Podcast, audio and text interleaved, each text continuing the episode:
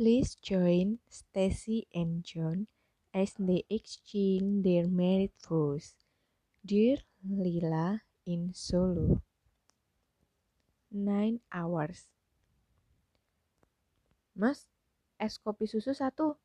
Pesanku, lalu menoleh ke Santi. Pesan apa, San? Santi melihat daftar menu yang tertulis di spanduk kain lusuh. Aku mau susu sirup aja, nggak pakai es ya. Penjual itu mengulang pesanan kami. Es kopi susu satu, susu sirup satu. Yap, seratus. Aku menegas, membenarkan. Setelah penjual itu berlalu, aku dan Santi memilih makanan yang terhidang di depan kami. Meja kayu yang dilapisi plastik vinil menyajikan beberapa macam makanan yang diletakkan di piring plastik dan kaca. Dari gorengan seperti tahu, lumpia, empal, kikil, tempe, paru, juga tahu bacem, sate usus, sate telur, sampai ke sego kucing. Untuk sego kucing yang dibungkus dari daun pisang ini terdiri dari nasi dengan lauk bandeng atau oseng-oseng soun. Ada juga bihun goreng, bakmi goreng, dan nasi goreng yang dibungkus juga dengan daun dalam porsi kecil. Minimal seminggu dua kali, aku dan Santi makan di wedangan tenda Masyok ini. Selain menyediakan susu sapi segar dengan campuran kopi, sirup, madu, bahkan kuning telur mentah, sajian roti dan pisang bakar di sini juga yahut. Dodo, mantan pacarku, kalau makan di sini selalu memesan telur ayam kampung setengah matang yang disuap dengan percikan lada dan garam atau kuning telur mentah dengan madu. Aku mengambil sego kucing isi bandeng lalu menyantapnya potongan bandeng yang sangat sedikit setara dengan nasinya. Itulah mengapa makanan ini disebut sego kucing. Yang pastinya tidak mungkin kenyang jika makan hanya satu bungkus. Setelah bungkus pertama lenyap dalam sekejap, aku mengambil sego kucing isi oseng-oseng soun dan mencomot sate telur puyuh. Tiba-tiba suara merdu Katy Perry terdengar dari gadgetku. Aku membersihkan tangan dengan tisu setelah itu merogoh tas kerja. Ternyata Ferry yang menelpon. Ya? Lo di mana? Di wedangan Mas yo. Tapi yang di Mangkunegaran ya. Santi juga ikut. Sip, gue ke sana deh. Oke, jangan pakai lama. Gak enak banyak yang ngantri. Siap, bos. Saat aku memasukkan gadgetku ke dalam tas, Santi bertanya, Ferry ya? Aku mengangguk sambil menyuap nasi dan oseng-oseng soun. Waktu tahu kamu akhirnya mau ikut naik gunung, Ferry happy banget. Dia bela-belain mundur jadwal pulang kampung. Aku hanya tertawa garing. Memang sejak aku berpacaran dengan Dodo, dia melarangku melakukan aktivitas berlebih dengan segudang alasan. Apalagi saat aku mengutarakan keinginanku untuk ikut naik gunung bersama Ferry dan Santi. Awalnya aku senang karena mengira Dodo perhatian denganku. Tetapi dengan berjalannya waktu, bukan hanya naik gunung saja yang dilarangnya, Dodo juga keberatan dengan semua kegiatan yang melibatkan teman-temanku. Sampai-sampai hanya untuk makan berdua dengan Santi, Dodo terdengar bawel seperti nenek-nenek. Aku sering merasa aneh dengan sikap Dodo. Sebegitu cemburukah dia terhadap teman-temanku? Atau karena dia egois, memintaku agar selalu mengikuti keinginannya? Terus terang aku sedikit takut dengan sikap Dodo yang menguasai kegiatanku. Bagaimana jika aku menjadi istrinya nanti? Aku bakalan dipenjara di rumahku sendiri. Akhirnya karena tidak tahan terhadap kekangannya, aku memutuskan hubungan kami saat usia pacaran kami hampir setahun. Tapi aku deg-degan, San. Santi menoleh. Kenapa? Karena baru kali ini naik gunung ya? Aku mengangguk. Yap. Santi tersenyum. Tenang, ada aku dan Ferry. Aku tersenyum. Yap, aku jadi lebih tenang kalau ada kalian.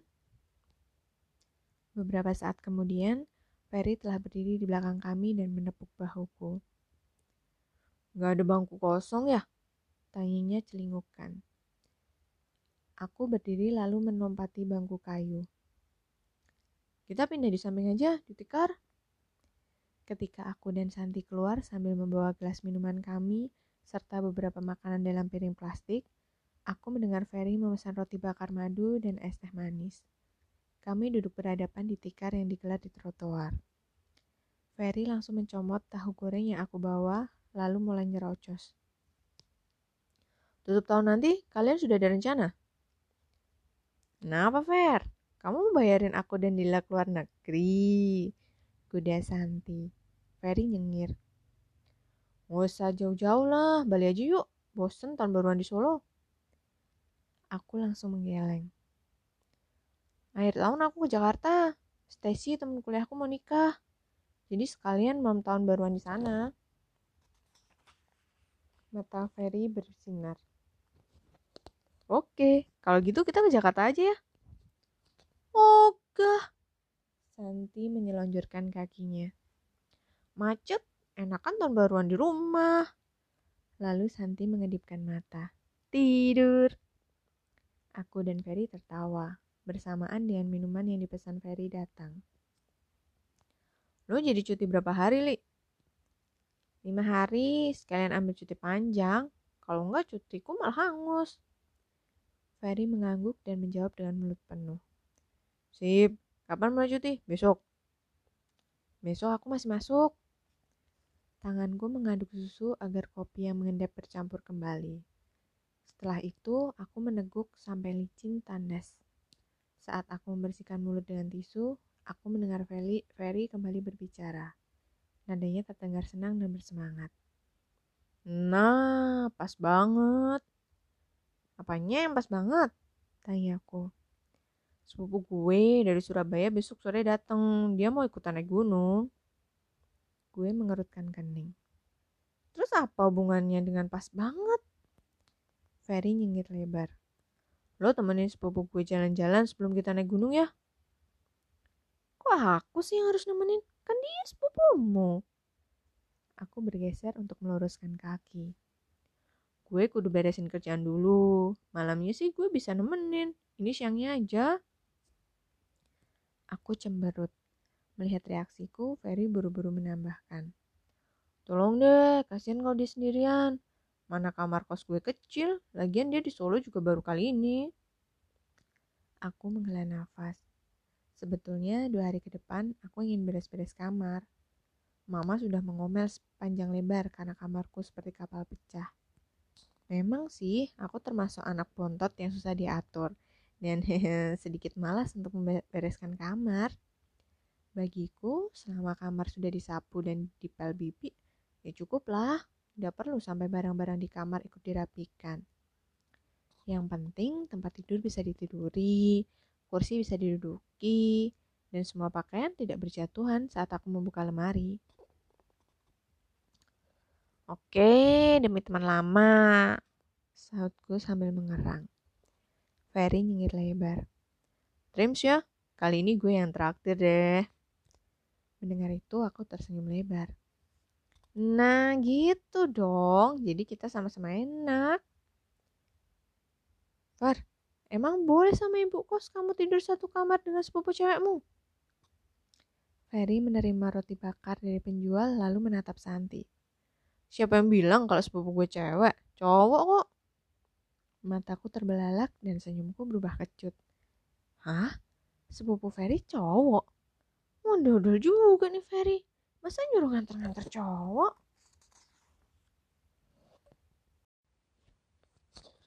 Li, nanti kalau gue jalan ke kantor sekalian ngedrop Brownie ke rumah lo ya. Aku telentang di tempat tidur dan menggigit lidahku dengan jengkel. Ferry memang benar-benar dodol. Sudah maksa jadi pengasuh. Masa pagi-pagi sepupunya ditinggal di rumahku? Emangnya di sini tempat penitipan anak? Lagian apa kata mama papa nanti? Enggak ah, masa pagi-pagi aku suruh nemenin dia sih? Ntar aja siangan. Suara berat Ferry terdengar lagi di ujung sana. Ntar siapa yang nganter ke rumah lo? Sepeda motor gue kan gue bawa. Lagian mana Roni tahu jalan? Buset dah, kayak anak kecil aja. Solo kota kecil, bandinginnya kayak di Jakarta aja. Aku memeluk guling. Naik taksi aja ke rumahku. Lo kan tahu lokasi kos gue jauh, mana ada taksi lewat. Kalaupun ada ntar argonya tembakan. Ya udah naik beca. Aku tetap kekeh. Tidak rela pagi pertama di hari cuti harus diganggu dengan kedatangan seorang asing. Setidaknya aku masih ingin bermalas-malasan di kamar, menikmati acara televisi pagi hari dari tempat tidur, mandi siangan sedikit, makan juga di kamar. Pokoknya menikmati hidup. Aku meraih remote televisi di nakas lalu menghidupkannya. Ya elah, masa becak sih? Suara Ferry terdengar lagi. Harga diri kami, kaum cowok bisa jatuh kalau becak. Aku melempar remote di atas tempat tidur. Ferry memang laki-laki baik, tapi kadang-kadang menyebalkan. Contohnya seperti sekarang. Iya, iya. Ya apa? Gue antar Romi, Roni ke rumah lo. Gak mau. Saat gue sambil berdiri dengan jengkel dari tempat tidur, lalu membuka korden kamar. Seketika sinar matahari menembus masuk. Setelah itu aku membentangkan daun jendela. Udara segar pagi hari sedikit mengurangi kejengkelanku. Aku berdiri tegak lalu menghirup pelan-pelan sambil mencamkan mata. Li, Lila. Apa? Mataku terbuka. Heran, nggak suka ngeliat orang seneng dikit apa? Gimana sih? Lo bilang iya, tapi nggak boleh Roni ke rumah lo. Konsekuen, song, konsekuen dong Li kalau jadi orang. Aku mencondongkan tubuhku ke daun jendela dan bersandar di sana, melihat beberapa kuncup bunga mawar tidak jauh dari jendelaku. Ah, jarang sekali aku melihat tanamanku di pagi hari. Setiap hari aku harus buru-buru bangun dan bergegas ke kantor. Maksudku aku siangan baru aku ke rumah ke kosmu. Bener nih, suara Ferry terdengar senang. Bohong, dodol, sahutku judes. Ferry tertawa terbahak di ujung sana. Dreams Lila, Meskipun judes, gue berutang suku kucing sama lo di wedangan Mas Yuk. Mendengar niat baik Perry, mau tidak mau aku tersenyum. Gak mau med gak mau wedangan, mahal dan dikit kek. Oke, kalau sego pecel desoyu Cina mau. Oke, aku mau nasi liwet bu Giem. Sip, nanti malam ya kita makan berempat dengan Santi. Setelah Ferry memutuskan sambungan telepon, Selama beberapa menit, aku masih mencermati taman kecil di samping kamarku. Setelah itu, aku menegakkan tubuh dan mendesah. Saatnya tidur sebentar sebelum aku menjadi pengasuh sepupu Ferry. Kos Ferry terletak agak jauh dari pusat kota Solo.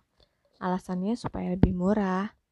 Karena jalanan yang aku lewati menuju arah luar kota, dengan sepeda motor bebek, aku melewati ibu-ibu dan bapak-bapak yang naik sepeda transportasi yang masih banyak dijumpai di pinggiran kota Solo. Keringat mulai terbentuk di tubuhku karena teriknya matahari pada jam 11. Meskipun aku mengendarai sepeda motor dengan kecepatan 80 km per jam. Kebiasaan berkendara yang membuat orang tua dan teman-temanku geleng-geleng kepala. Bagiku tidak masalah ngebut selama berhati-hati aja di jalan. Sepeda motorku naik melewati jembatan dengan pemandangan di sisi kanan dan kiri sawah yang membentang. Lalu melewati pemakaman umum di sisi kiri jalan. Melihat bebek-bebek yang berenang di sungai, rumah-rumah penduduk, dan pasar tradisional. Setelah itu, aku berbelok memasuki sebuah perumahan sederhana menuju salah satu rumah dengan 10 kamar yang difungsikan sebagai rumah kos. 30 menit perjalanan dari rumahku ke kos ferry dan entah berapa kilometer yang harus aku tempuh. Aku memahami mengapa taksi susah didapat di sini. Lalu aku tersenyum sendiri ketika teringat aku meminta sepupu Ferry untuk naik becak ke rumahku. Bisa sebesar apa betis bapak becaknya nanti? Aku menemukan sepeda motor di depan gerbang kos. Lalu masuk seperti biasa dari pintu kecil samping rumah dan menyapa Mbak Mi, pembantu kos yang telah lama aku kenal. Mbak, jam segini baru jemur pakaian? Pembantu itu menoleh lalu tersenyum lebar. Eh, Non Lila? Iya, Non. Setelah itu, Mbak Mi teringat sesuatu dan menatapku dengan heran. Loh, Mas Ferry sudah berangkat kerja loh. Aku melepas helmku. Aku mau jemput sepupunya, Mbak. Oh iya, iya. Sepupunya yang baru datang dari luar kota ya? Yap, aku naik ya, Mbak. Ya, Non, naik aja. Bergegas aku melangkah masuk ke dalam rumah, menuju tangga dan menapaki anak tangga dengan cepat. Sementara aku naik, aku baru memikirkan seperti apa sepupu Ferry. Apakah dia gendut, apakah caking, buruk rupa, atau cangkung dan lumayan ganteng seperti Ferry. Setibanya di lantai dua, aku menuju kamar ketiga dari tangga. Aku mendengar suara TV dan dari celah pintu. Setelah menarik nafas, aku mengetuk pintu dengan keras seperti yang biasa aku lakukan jika memanggil Ferry. Dalam hitungan detik, pintu kamar terbuka. Hmm, kalau betul ini sepupu Ferry, Tom Cruise aja kalah. Apalagi si Dodol Ferry. Aku terkekeh dalam hati. Roni ya? Tebakku. Lila ya? Tebaknya balik. Aku tersenyum lebar. Yap, Lalu aku menyambut uluran tangannya. Mau jalan sekarang? Kedua alis tebal itu terangkat heran. Hmm, keren juga. Jalan ke mana? Aku meletakkan helm di kursi kosong yang ada di depan kamar Ferry. Aku mendapat mandat dari sepupumu yang bawel itu supaya mengantarmu putar-putar kota Solo. Gak pusing nanti. Aku tertawa dalam hati. Selain keren, lucu juga cowok ini. Tapi demi menjaga image, aku hanya menampilkan senyum kecil. Ya, paling pusing sedikit, sahutku. Roni terkekeh. Yuk masuk dulu, aku belum mandi, tunggu sebentar ya. Membiarkan pintu kamar terbuka, aku mengangguk lalu duduk di sebelah meja Ferry. Setelah itu, mataku lurus menatap layar televisi, tetapi ekor mataku menangkap Roni membuka tas ranselnya dan menarik kaos serta handuk. Setelah itu dia masuk kamar mandi dan pintu ditutup. Aku mengembuskan nafas. Aneh, tidak ada lagi rasa jengkel seperti yang sudah-sudah karena harus melaksanakan mandat dari Ferry. Bahkan sekarang dengan santai aku menunggu cowok itu mandi. Hmm, mungkin karena Roni cool, batinku. Karena waktu telah mendekati makan siang dan sebagai neni, eh, Kate yang baik, membonceng di belakang Roni, aku menunjukkan jalan menuju tempat makan yang menjual menu makanan khas Solo. Kami masuk ke halaman sebuah rumah yang difungsikan sebagai tempat makan. Bagian atasnya ditutup dengan kanopi.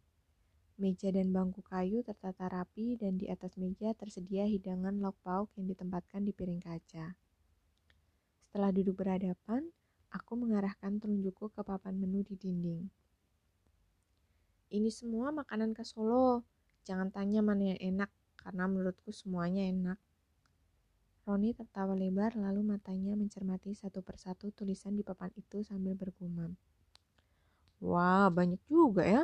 Ada selat Solo, bakmi ketoprak, galantin, terancam, sate buntel, cabuk rambak, tahu kupat, Wedang dongo. Aku tersenyum geli melihat Roni membaca satu persatu menu dengan serius. Lalu dia menoleh ke arahku. Yang berbuah apa ya, Li? Aku mau yang hangat-hangat. Aku menatap papan menu lalu menjawab. Timlo Solo, tangkleng, tahu acar, soto, bakso. Roni terkekeh soto, bakso, aku juga tahu kalau itu berkuah. Aku ikut tertawa. Tim Solo aja deh, dari namanya sepertinya enak. Lalu aku memanggil penjual dan memesan tim Solo dan es beras kencur untuk Roni, sedangkan tahu acar dan es kempol pleret untukku. Kamu kerja di mana, Li? Sambil mencomot lumpia, aku menjawab. Di bank. Setelah itu aku menggigit lumpia yang terasa gurih dan manis di mulut. Kamu sendiri? Roni mengikutiku dengan mengambil tahu bacem. Sambil mengunyah, Roni menjawab. Aku programmer usaha sendiri. Wah, keren. Amin. Kecil-kecilan kok, baru dua tahun merintis. Penjual datang dan meletakkan pesanan. Roni menggeser mangkok berisi timlo yang masih mengepul dan menyebarkan bau nikmat.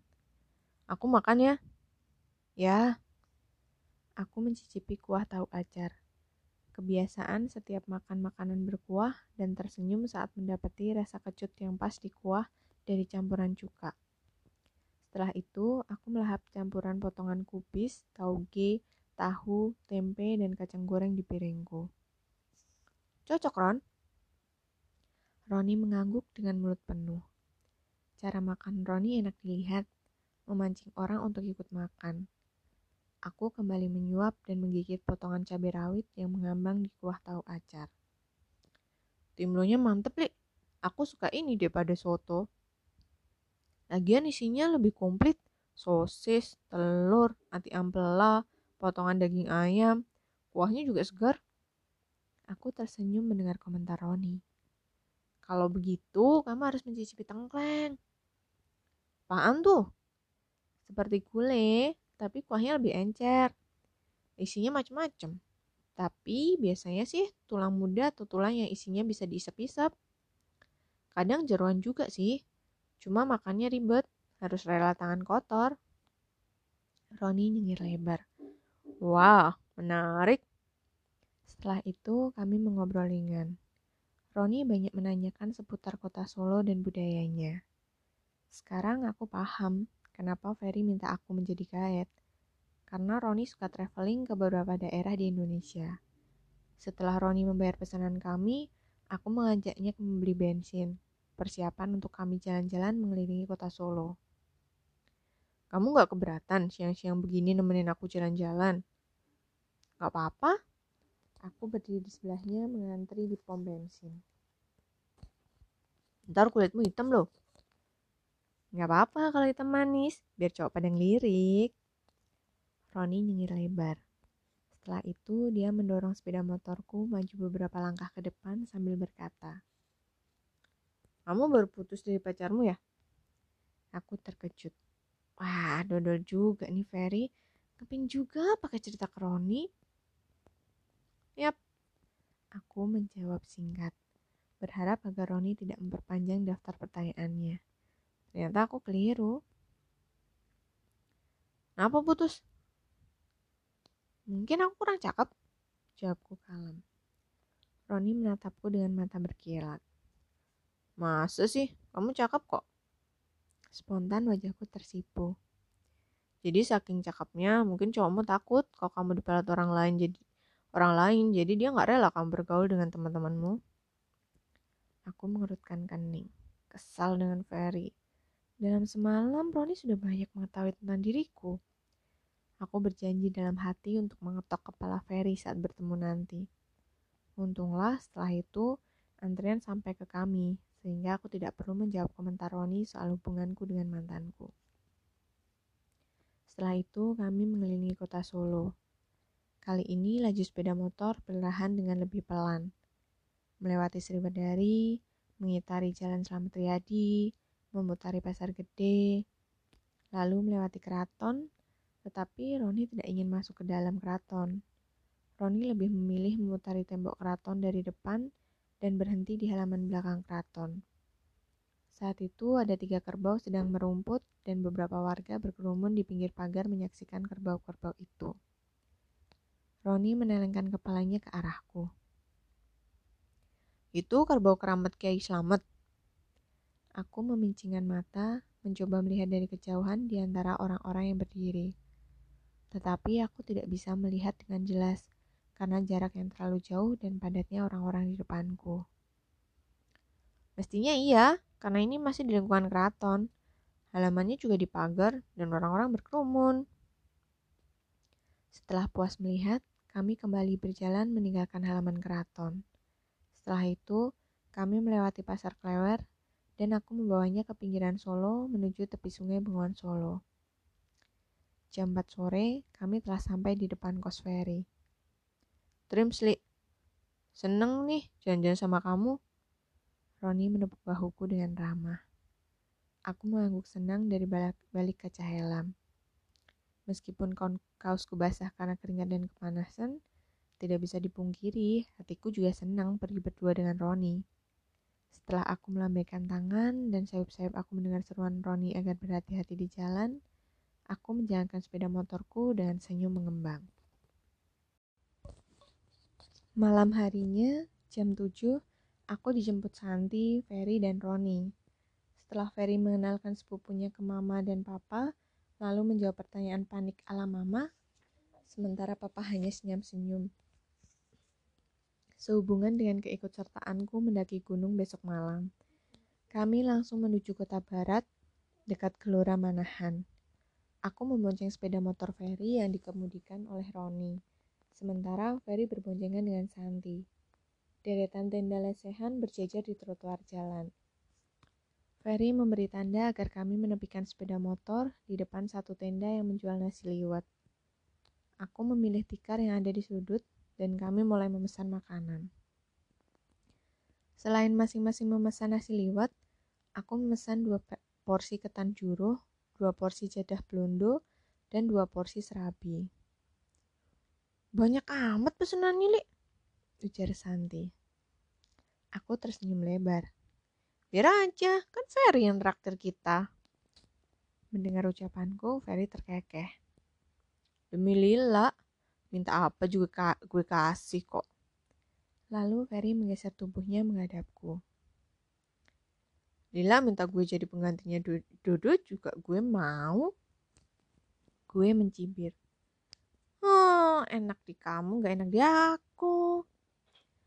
Roni dan Santi tertawa mendengar olokanku. Sementara itu, Ferry mengajak poniku dengan gemas.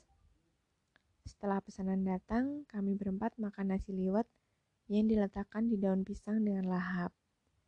Saat melihat Roni meletakkan bungkus daun pisang yang telah kosong di tikar, aku menawarkan ketan juruh dan serabi kepada Roni.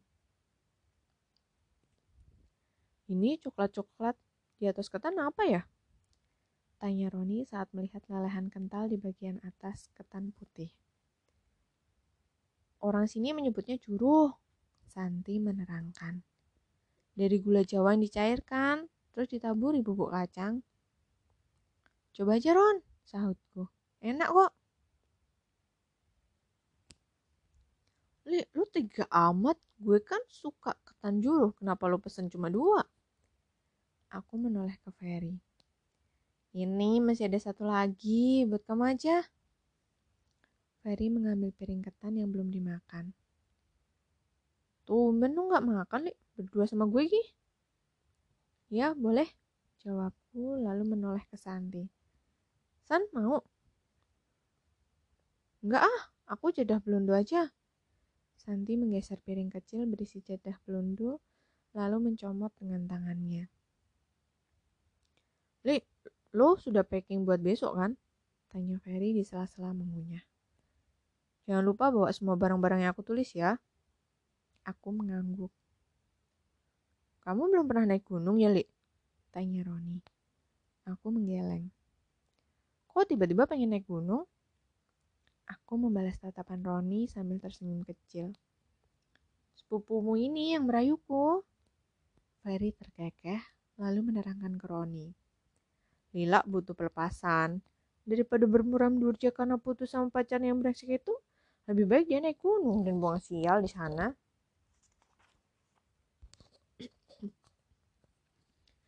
Tergerak lalu menunjuk lengan Ferry. Duduklah. Kat katanya kamu mau bahas acara buat besok. Oke. Wajah Ferry berubah serius. Menurut pengamatanku, Ferry terlihat lebih tampan jika serius daripada saat berlaku konyol. Kita besok bergabung dengan teman-temanku, total 9 orang. Karena belum pernah ke Gunung Lawu, kita akan didampingi satu orang warga setempat.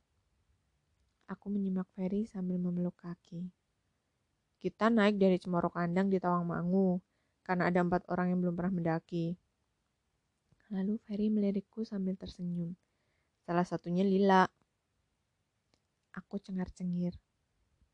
Meskipun lebih lama daripada kita lewat Cemoro Sewu, tapi lebih nyaman buat pendaki pemula karena jalur relatif sudah tertata baik dan melewati lima shelter. Berapa jam sampai ke puncak? Tanya Santi. Sekitar 7 sampai 8 jam. Kita berdoa saja agar cuaca mendukung. Aku terus menyimak pembicaraan Ferry, Santi, dan Roni dengan antusias. Belum mulai mendaki gunung saja, adrenalinku sudah mulai terpacu. Yuk, kita balik. Malam ini kita istirahat yang cukup, ajak Ferry. Kami berdiri dan meninggalkan piring-piring kosong di tikar. Li, besok seharian kamu jangan kecapean ya. Ferry berkata kepadaku saat penjual menghitung makanan kami. Roni nggak mau jalan-jalan lagi ya? Tanyaku. Sebetulnya aku berharap bisa menemani Roni lagi. Selain Roni baik dan penuh humor, omongan kami juga nyambung. Aku aja, besok kan aku udah cuti. Aku diam, sedikit kecewa mendengar jawaban Ferry. Setelah Ferry membayar, mereka bertiga mengantarku pulang. Sambil memperhatikan dua sepeda motor menjauhiku, senyumku mengembang. Sejak dulu hidupku biasa-biasa aja. Tapi sejak mengenal Ferry dan Santi dua tahun yang lalu, aku mulai tertarik dengan kata petualang. Tetapi terhambat karena Dodo. Saat menutup pintu gerbang, aku berpikir, akhirnya besok keinginanku terkabul. Di usiaku yang kedua lima ini, petualanganku dimulai. Dengan bergairah, aku melangkah masuk. Senang rasanya berpetualang bersama dua temanku, Ferry dan Santi, juga Roni. Mendapati aku memikirkan Roni, jantungku tiba-tiba berdebar lebih kencang.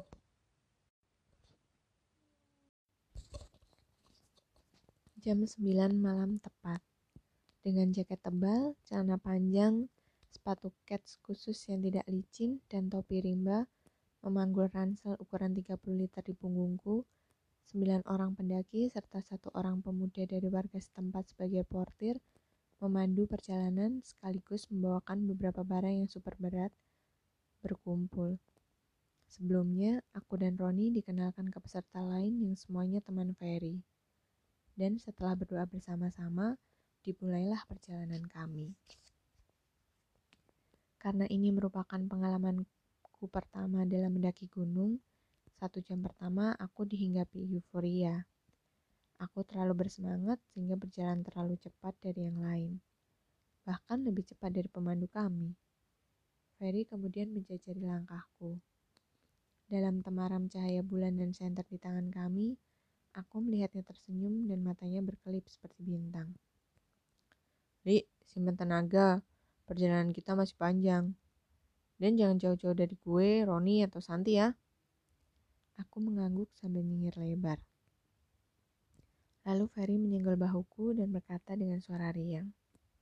Gue seneng bisa daki bareng lo. Aku balas menyenggol bahunya dan menjawab dengan suara riang yang sama. Aku juga.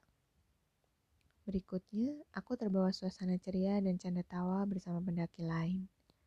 Aku berjalan berdampingan dengan Roni atau Sandy dan berbincang ringan.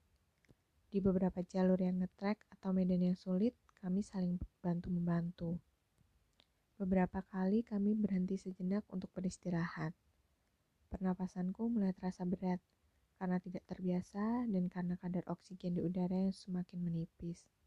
Ketika melewati sumber mata air pertama, aku menurunkan ransel dari pundak lalu mencuci wajah agar segar. Masih semangat, Li? Aku menengadah lalu tersenyum melihat Roni. Semangat dong, sahutku. Bagus kalau gitu. Kalau nggak kuat bilang ya, Li. Jangan dipaksa. Roni berjongkok dan mengikutiku membersihkan wajah dengan air. Tenang aja, pasti kuat, sahutku cepat.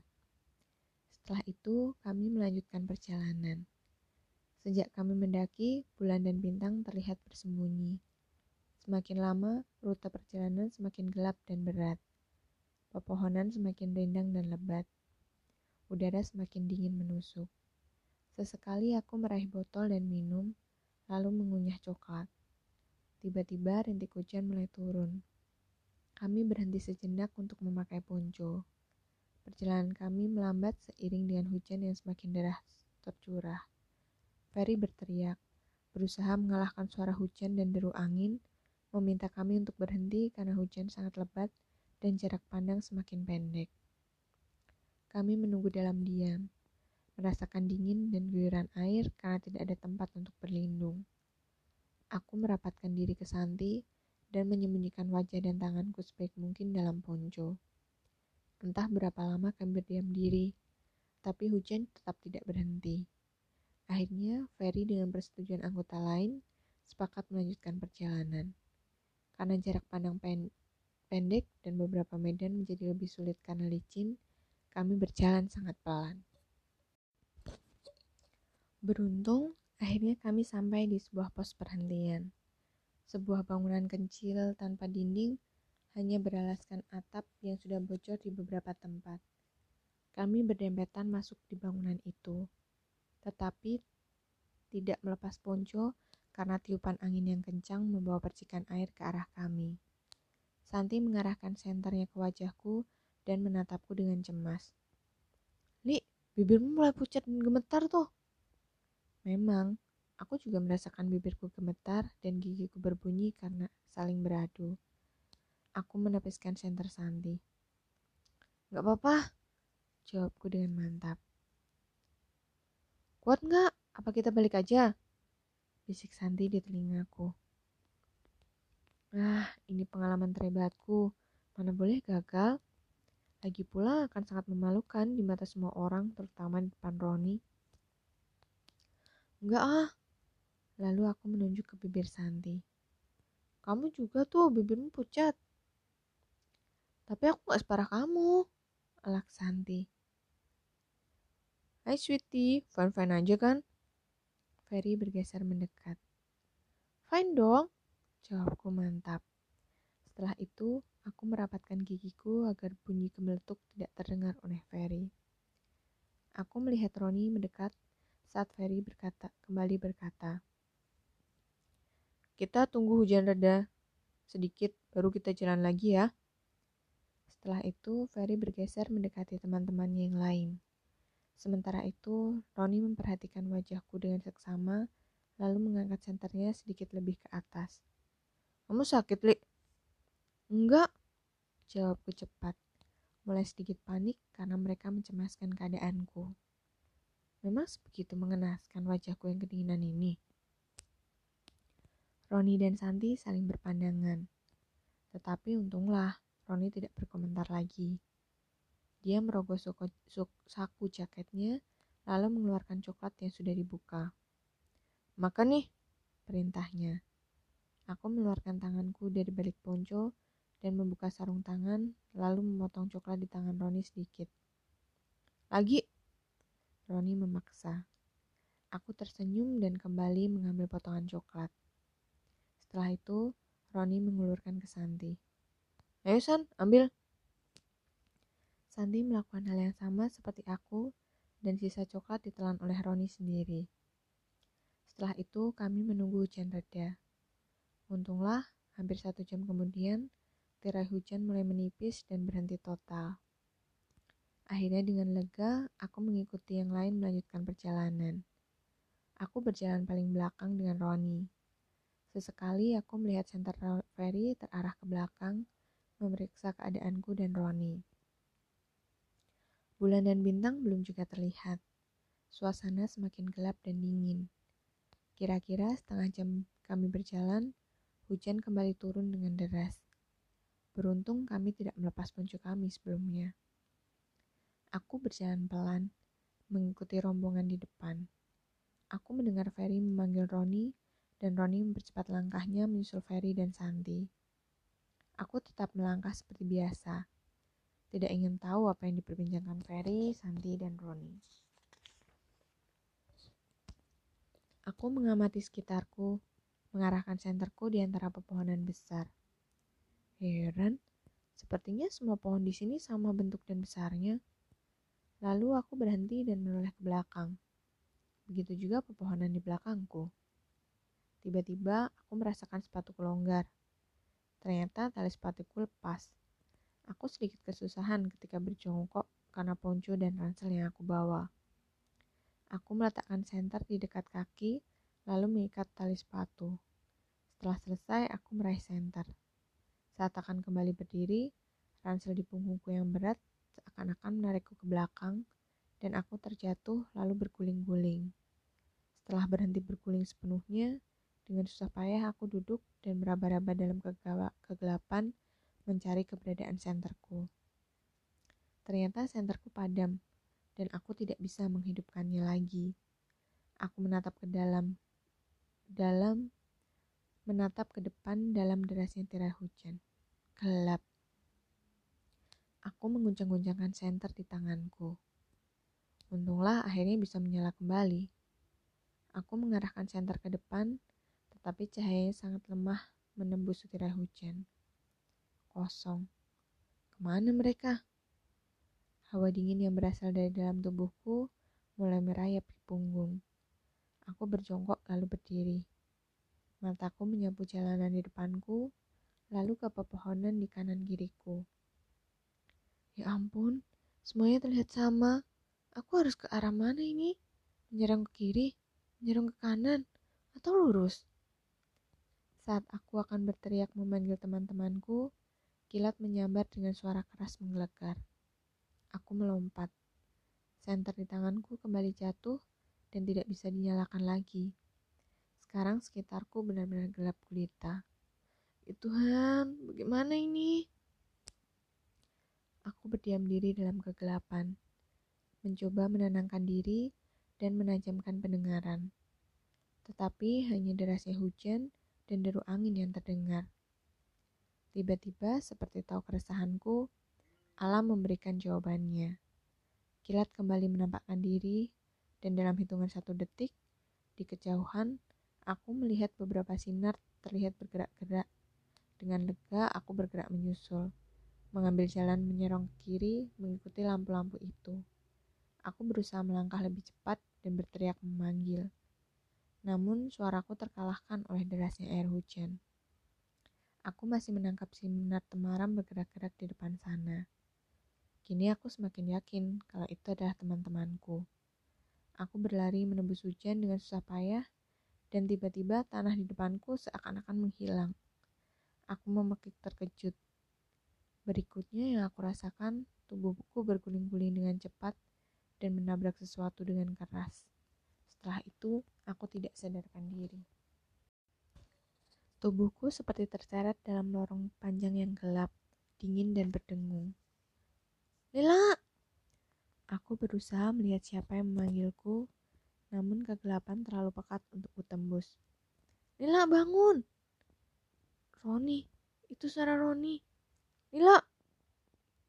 Aku merasakan sebuah kehangatan menekan pipiku dan leherku. Lila, bangun! Itu suara Ferry. Kini pipiku ditepuk-tepuk. Kehangatan juga menjalar di telapak tanganku. Lila, sadar, Li! Tiba-tiba aku melihat sebuah cahaya bergerak-gerak di depanku. Aku menuju ke cahaya itu, dan samar-samar aku melihat dua kepala menunduk di depanku. Thanks God. Suara Ferry terdengar lega. Dik, lo bisa denger? Aku membuka mulutku dan mengerang pelan. Jangan bergerak dulu. Aku mendengar Roni memerintah. Nah, sekarang katakan mana yang sakit. Aku kembali memejamkan mata dan memusatkan perhatian. Nyeri perlahan mulai terasa di tangan kiri, leher, dan kaki. Ya Tuhan, seluruh tubuhku sakit semua. Jawabku lirih sambil membuka mata. Ferry berbisik di telingaku dengan lembut. Oke, Li. Jangan gerak dulu ya. Lo aman sekarang. Aku tidak menjawab dan kembali memejamkan mata. Aku tidak bisa menangkap pembicaraan Ferry dan Roni dengan jelas karena suara hujan yang turun. Sementara seluruh tubuhku berdenyut nyeri, benakku dipenuhi berbagai pertanyaan. Di mana aku? Apa yang aku alami? Kenapa seluruh tubuhku sakit? Patahkah tulangku? Li, lo di sini dulu dengan Roni. Gue turun gunung cari bantuan ya. Aku membuka mata. Tidak terlihat jelas raut wajah Ferry yang menunduk di atasku. Aku mengangkat satu tanganku ke arahnya. Aku ikut, Fer. Kepala Ferry terlihat menggeleng. Lo tunggu di sini aja. Gue nggak lama kok. Roni nemenin lo di sini. Tidak menunggu jawaban dariku, Ferry lalu berdiri. Di temaramnya lampu senter, aku melihat satu sosok selain Ferry dan Roni berdiri agak jauh dariku. Mereka bertiga berbicara pelan. Setelah itu, Ferry dan orang itu yang aku duga adalah pemandu kami menghilang dari hadapanku. Seketika sekelilingku menjadi gelap. Lalu senter di tangan Roni menyala dan dia beringsut mendekatiku. Ron, kenapa kita ditinggal? Tanyaku resah. Roni duduk bersila di sisiku. Aku kembali tidak bisa melihat wajahnya karena senter Roni menerangi tubuhku. Li, kamu jatuh di lereng gunung. Masih beruntung tidak terlalu jauh ke bawah. Ya Tuhan, kami tidak mau berisiko menggendongmu naik ke atas, apalagi kakimu luka. Aku berusaha bangkit dari tidur tapi Roni buru-buru mencegahku. Jangan bangun, Li. Jangan ambil resiko dulu, karena kita nggak tahu apakah ada retak atau patah tulang di tubuhmu. Tangan kiriku sakit banget. Roni bergeser untuk memeriksa lengan kiriku. Oke, jangan bergerak ya. Mungkin tulangmu hanya retak, tapi sepertinya nggak patah. Setelah itu, Roni membongkar tas ranselnya. Ia menarik sweater, lalu membuatkan ke sekeliling lengan kiriku dan mengikatnya dengan tali. Nah, setidaknya aman untuk sementara. Kenapa aku bisa di sini, Ron? Roni menoleh, menoleh ke arahku. Justru kamu heran, kenapa kamu keluar dari jalur pendakian, Li? Lalu aku menceritakan kejadian yang menimpaku dengan suara terpatah-patah karena kesakitan yang aku rasakan di seluruh tubuhku. Sementara aku bercerita, Roni diam menyimak. Setelah aku selesai bercerita, Roni berkata dengan suara lembut tetapi membuatku tercengang. Li, kamu berjalan semakin menjauhi rombongan. Gak mungkin, sahutku bingung. Mungkin waktu kamu jatuh, kamu berdiri dan melihat ke arah yang salah.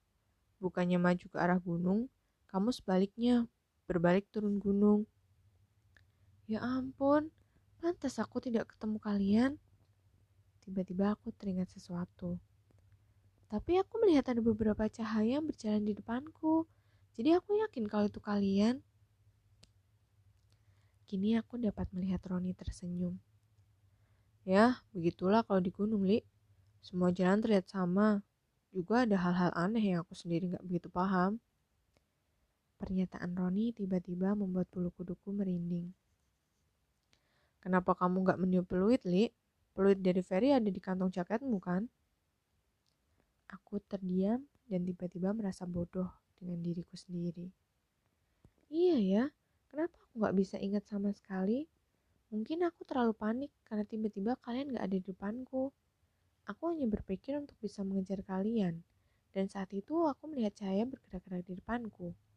Aku pikir itu kalian, jadi aku langsung aja mengejar. Roni menghela nafas. Ya sudahlah, jangan dipikir lagi. Lalu Roni menepuk lembut lengan kananku. Yang penting kamu selamat. Kita tunggu Ferry membawa bantuan ya. Setelah itu, aku menunggu Ferry dalam diam. Aku terlalu capek untuk berbicara dan terlalu dingin untuk menggerakkan bibir dan tubuhku. Hujan tidak lagi turun. Sekarang aku baru menyadari bahwa aku tidak mengenakan ponco dan dua, dua buah selimut menutupi tubuhku hingga batas leher. Mungkin juga sebuah selimut atau pakaian diletakkan untuk alas kepala dan leherku. Ranselku diletakkan tidak jauh dari tempatku berbaring. Li, makan ya, Oh, sekarang aku tidak ingin mengunyah apa pun karena seluruh tubuhku menjerit kesakitan dan kepalaku berdenyut. Gak mau, aku minum aja.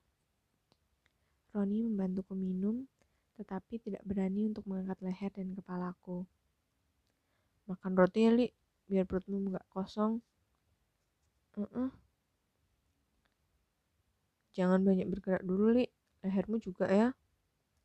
Aku melirik ke Roni saat dia menggeser menjauh, bergeser menjauhiku untuk mengambil sesuatu. Tapi badanku pegel, Ron. Roni berbalik. Dalam terangnya lampu senter, aku melihat dia tersenyum. Tahan, Li. Kalau pegel banget, coba usahakan bergeraknya sepelan mungkin ya. Setelah itu, kami menunggu kedatangan Ferry dengan tim penyelamat. Roni bercerita, saat dia, Santi, dan Ferry menyadari aku tidak ada di belakang rombongan, mereka mulai mencariku. Senterku ditemukan, tetapi keberadaanku tidak diketahui. Setelah itu, disepakati oleh semua pihak bahwa pendakian dibatalkan dan anggota turun gunung, sementara mereka bertiga mencariku. Roni dan Ferry bersyukur karena pemandu itu adalah warga setempat, sehingga aku cepat diketemukan. Lokasi lereng tempat aku jatuh cukup curam, dan mereka tidak berani mengambil risiko. Maka untuk sementara, aku dipindahkan ke cerukan lereng yang dapat melindungi dari curah hujan, tetapi tetap tidak mampu menangkis hawa dingin yang menusuk tulang. Entah berapa lama aku menunggu. Yang aku rasakan, waktu merayap sangat lambat. Tubuhku semakin lama semakin melemah, dan rasa kantuk menyerangku. Roni memintaku agar tidak lagi memejamkan mata dan melarangku tidur. Dari ekor mataku, aku melihat dia menarik sebuah kaos dari ransel. Dengan kaos itu, dia membalut kakiku yang terluka lalu mengikatnya. Kenapa Ron? Tanyaku. Berdarah banyak ya? Roni tidak menjawab pertanyaanku. Setelah selesai, dia bergeser mendekat lalu meraba pipi dan leherku. Aku tercengit karena merasakan betapa dingin tangannya di bagian kulitku yang tersentuh. Badanmu panas, Li. Lalu Roni kembali membuka ransel dan mengarahkan senter ketika dia memilih sesuatu. Setelah itu berbalik ke arahku. Minum obat ini dulu ya. Aku mengiyakan dalam lemah. Setelah meminum obat itu, aku kembali diam berkonsentrasi agar aku tidak tidur. Ron, ya, aku ngantuk banget. Roni memegang kedua belah pipiku. Aku kembali merasakan dingin di kedua tangannya. Tahan, Li, jangan tidur. Kenapa aku nggak boleh tidur? Roni mendesah. Ya pokoknya nggak boleh. Setelah itu Roni menggenggam tanganku. Ayo, gantian kamu yang cerita, apa aja? Aku menatap Roni dengan kening berkerut. Kenapa aku harus cerita? Aku ingin tidur, tetapi justru dia memintaku cerita. Aneh dan menjengkelkan. Li, cerita tentang temenmu, tentang Ferry, tentang keluargamu, apa aja? Oh, ini aku tahu. Maksud Roni agar aku tidak lagi mengantuk. Hmm, apa ya? Aku mulai bercerita. Oh iya, Desember nanti Stacy, teman kuliahku akan menikah. Aku diundang sekalian mau reuni karena kami sudah lama gak ketemu. Kalian kuliah di mana? Di UGM. Lalu aku teringat WhatsApp Stacy sehari sebelum keberangkatanku mendaki. Gak bahaya mendaki gunung, kamu kan belum pengalaman, Li. Enggak lah, mereka semua profesional sih. Sudah berkali-kali Ferry dan Santi naik gunung. Lagian ada cowok ganteng, namanya Roni. Kamu tuh pengennya naik gunung atau deketan sama cowok ganteng itu sih? Dua-duanya. Tapi terus terang aku khawatir. Aku pengen kamu datang di pesta nikahku. Ntar kalau ada apa-apa gimana? Tenang, aku pasti datang ke pesta nikahmu dan John. Aku juga kangen sama kamu sih. Udah lama banget kita nggak ketemu ya. Aku kembali tersadar ketika Roni menggoyangkan lenganku. Setelah itu, dia terus-menerus bertanya kepadaku dan aku diminta menjawabnya. Aku bercerita dan menjawab pertanyaan seputar Stacy dan John, lalu beralih ke keluargaku. Setelah itu ke pertemananku dengan Ferry dan Santi. Bahkan aku menceritakan Dodo, mantan pacarku. Kebrengsekannya dan aturan-aturan Dodo selama kami beracaran. Selama aku bercerita, Roni menggenggam tanganku. Dia menggoyangkan lengan kananku jika aku berhenti bicara atau memejamkan mata. Semakin lama aku berbicara, semakin pelan dan lambat, sementara gigiku beradu semakin hebat. Kantuk semakin hebat menyerangku.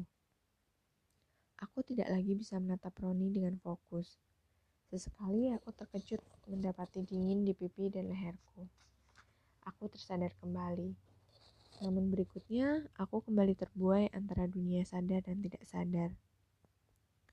Ron, Ferry sudah berapa lama pergi? Tanyaku ketika kembali tersadar karena Roni menggoyangkan lenganku. Gak tahu, jamku rusak. Oh, itu bohong sekali. Karena beberapa kali aku mendapati Roni mengarahkan senternya ke jam tangannya. Tetapi aku hanya diam. Aku terlalu lemah untuk protes. Cerita tentang kerjaanmu, Li. Kembali aku berusaha keras memenuhi keinginannya. Aku tahu, ceritaku kadang tidak menyambung. Aku terlalu sulit berkonsentrasi, sementara aku tenggelam dalam panasnya tubuhku sendiri dan kantuk yang maha hebat. Akhirnya aku menyerah.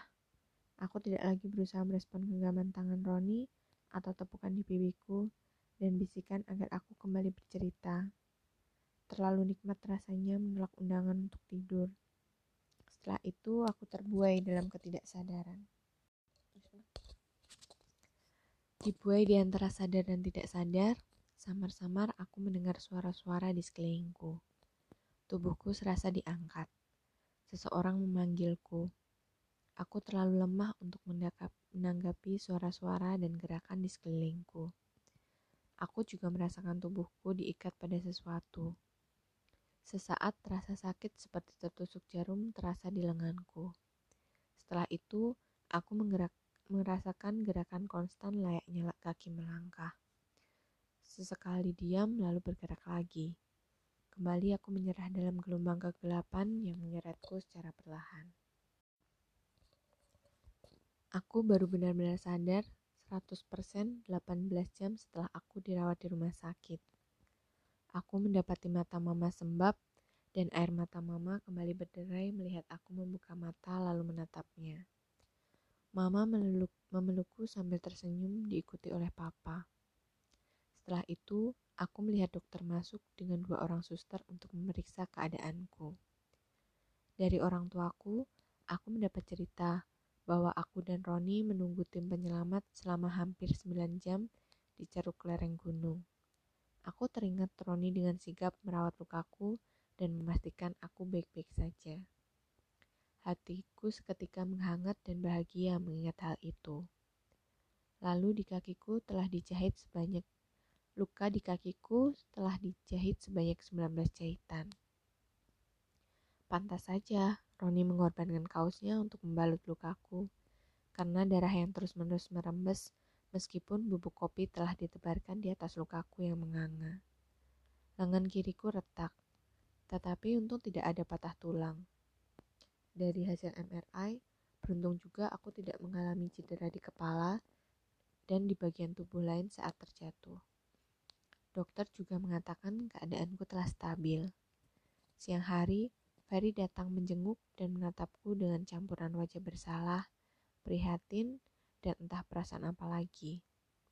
Dia menatapku dalam diam selama beberapa menit setelah mama keluar dari kamar perawatanku. Lalu Ferry menggenggam tanganku dan aku balas menggenggamnya. Fer, Trims ya sudah menolongku. Aku berkata dengan tulus. Ferry tersenyum kecut. Gue minta maaf ya, Li. Bisa-bisanya lo lolos dari pengawasan gue. Gue udah ngaku salah ke nyokap bokap lo. Aku menggeleng. Enggak, fair. Aku yang gak mematuhi aturanmu. Aku gak bilang kalau berhenti berjalan. Aku lupa meniup peluit dan aku membuat pendakian kalian gagal. Shh. Ferry mengusap lembut rambutku. Oke, kita sama-sama salah. Yang penting lu selamat. Ferry menarik kursi lebih dekat ke ranjangku dan duduk. Santi gak bisa jenguk hari ini, besok dia baru ke sini. Roni gimana, Fer? Aku tiba-tiba teringat Roni. Saat aku menyebut nama Roni, jantungku berdegup kencang. Roni ada kok, baru ngobrol sama bokap lo di depan. Sebentar lagi juga dia masuk. Oh iya, jadi Roni datang menjengukku. Mendadak aku merasa sangat bersemangat dan jantungku berdegup lebih liar. Fer, bantu aku duduk ya. Pegel tidur terus. Aku menggeser posisiku agar lebih nyaman. Ferry meletakkan dua bantal di punggungku. Pada saat yang bersamaan, pintu kamar terbuka. Aku melihat Roni berjalan masuk dengan senyum tersungging di wajahnya dan aku terpaku. Di sebelahnya berkelayut seorang gadis yang juga tersenyum manis padaku. Halo Li, udah baikan? Sapa Roni riang. Aku tidak menjawab pertanyaannya. Benakku masih terkaget-kaget dan menduga-duga siapa gerangan gadis di samping Roni. Kalau aku melihat bahasa tubuh mereka, gadis ini... Kenalin Li, ini Nana. Halo Lila, aku Nana. Nana mendekat dan mengulurkan tangannya ke arahku. Aku tersadar lalu berkedip cepat. Aku menyambut uluran tangan Nana dengan ragu. Kata Roni, kondisimu waktu itu lumayan parah, tapi kelihatannya sekarang sudah jauh lebih baik ya. Nana kembali berbicara sambil tersenyum hangat. Eh, uh, iya. Aku berdeham kiko. Trims, Beruntung Ferry mencairkan kekikukanku. Ferry berceloteh panjang lebar kepada Roni dan Nana seputar kesehatanku yang didapat dari mamaku.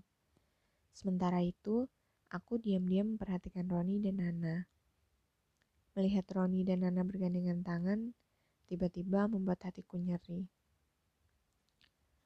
Jam berapa lo dan Nana balik Surabaya? Tanya Ferry. Jam 4, Kasihan Nana sampai bela-belain nyusul ke sini. Roni menjawab sambil merengkuh pundak Nana, lalu mencium kening gadis itu. Setelah itu, Roni menatapku dengan hangat. Li, aku senang melihatmu sudah baikan. Aku tersenyum kecut. Trim Sharon, nggak tahu bagaimana nasibku kalau nggak ada kamu. Roni kembali tersenyum. Enggak juga, kamu tangguh kok. Setelah itu, Roni dan Nana berpamitan pulang. Melihat punggung Roni menjauh dariku dan hilang di balik pintu, tiba-tiba aku merasa sedih. Ya, ternyata aku telah menaruh hati kepada lelaki yang ternyata sudah mempunyai kekasih. Aku mendongak menatap Ferry saat dia menggenggam tanganku dengan lembut. Nana, tunangan Roni, panik waktu Roni telepon dari rumah sakit. Dia langsung terbang dari Surabaya. Aku mengangguk keluh lalu menunduk. Li, aku menengadah dan mendapati Ferry menatap dengan sorot mata berbeda. Wajahnya berubah melembut. Tiba-tiba aku mulai dibalut rasa resah. Aku merasakan ada sesuatu yang berbeda dengan Ferry kali ini. Lila, hmm, gue harus ngomong sama lo. Ferry terlihat menarik nafas. Gue cinta lo. Hah? Aku melongo menatapnya. Sebelum lo jadian sama Dodo, sejak Santi mengenalkan kita, aku menutup mulutku perlahan. Begonya gue, gue yang kenalin lo ke Dodo. Dan gue gak nyangka Dodo lebih dulu nembak lo. Aku menatap Ferry lama. Benakku berkelebat kejadian demi kejadian. Ferry yang penuh perhatian, Ferry yang selalu baik dan siap menolong, Ferry yang selalu siap jika aku membutuhkan, dan aku tidak pernah menyangka kalau dia jatuh cinta padaku. Aku merasakan usapan lembut jari Ferry di lenganku. Gue hampir mati ketakutan waktu nemuin lo jatuh di lereng. Lihat kondisi lo, swear. Kalau sampai lo kenapa-kenapa, gue gak bakalan maafin diri gue sendiri. Gue bakalan bunuh diri. Mendengar nada gusar dan penyesalan Ferry, Senyumku merekah perlahan. Aku balas menggenggam tangannya dan Ferry diam menatapku.